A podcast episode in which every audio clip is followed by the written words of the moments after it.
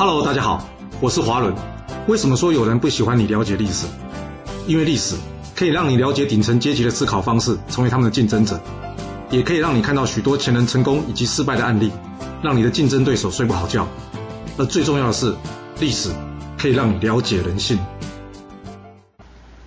我们刚刚在战国第三十九节故事中讲到，这魏齐因为虚谷的一番话，将这范雎给痛殴了一遍了，也将为他自己的命运埋下了悲惨的未来啊。至于魏齐的下场会如何，我们之后会提到。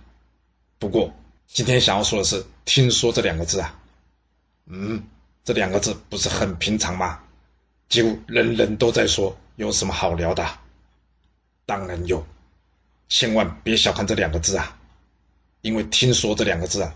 通常就是坏蛋一切邪恶计划的开始啊！想想看，今天故事中魏齐不就是听着虚谷说吗？然后他不明就里将这范雎往死里去打，相信他当时啊认为自己是在主张正义为民除害啊，要不然他跟范雎有什么深仇大恨？为什么要把人家打个半死之后还要人家对他去尿尿啊？然而动手之前，他有没有想过范雎可能是会被人冤枉的吗？还有，逻辑上，这从虚谷那里听来这讯息合理吗？当然没有啊，要不然怎么会发生这种事呢？你觉得魏齐不够聪明，脑袋进水才做这种糊涂事吗？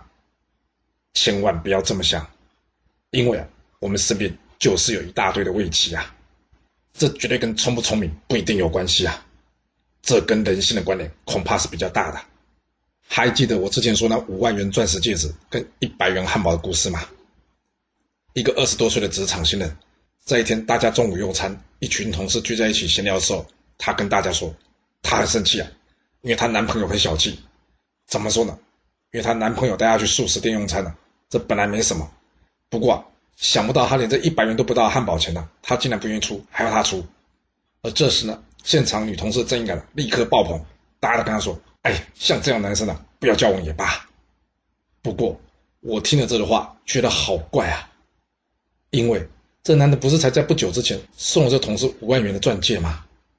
有这种事哦，五万元都舍得花，一百块就不舍得，这也太不合逻辑了吧？但是我们有可能跟这位他口中大家都没见过的男朋友去确认这个女生说的话是真是假吗？相信在大概率上是不会的。所以这个听说很可能就变成大家心目中的事实啊。那你有想过这件事可能的真实状况是什么样吗？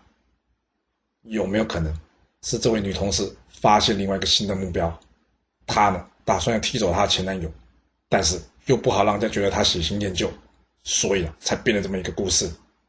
当同事们说出像这样的男生不要交往也罢之后，她。就可以顺理成章的将她男朋友给踢开了，不是吗？那你觉得这些同事的行为跟今天故事中魏齐差在哪？听说听说，不管是听谁说的，只要这句话一出来，你一定要有警觉：一说这话的人被人利用来放话了。所以谣言止于智者，像这种可能是放话的手段，我们听听就好，不用帮他继续宣传扩大。那二就是这说话的人，他没被人利用，他就是自己在那散布谣言呐。遇上这样的人，你得小心一点啊，因为绝大部分的听说啊，都是你无法求证，或者说你没时间也没兴趣求证，而有些听起来还很合理啊，甚至呢还找权威人士来说嘞。但从来没有人告诉你啊，权威人士一定不会说谎，不是吗？对于所有的资讯来源呢，保持了高度的敏感。是避免被人放话或是利用去放话的第一步啊！千万千万千万要记得啊！被放话或是被人利用去放话，与他们的智商高低无关啊，而是与他平常判断事情的方式还有习惯有关啊。我们无法让虚谷这种放话的人减少，但我们可以努力不要让自己成为今天故事中的魏齐，做个聪明的好人。您说是吧？若是您有其他的想法，也欢迎您留言分享您的看法给大家哦。好了，我们今天就先说到这。若是你想要知道完整版的故事内容，欢迎您可以到说明栏中找到我爱故事频道的连结。要是你喜欢这个频道，还要麻烦您动动你的手指，点赞、订阅、追踪，或是给我五星评价的支持以及留言分享哦。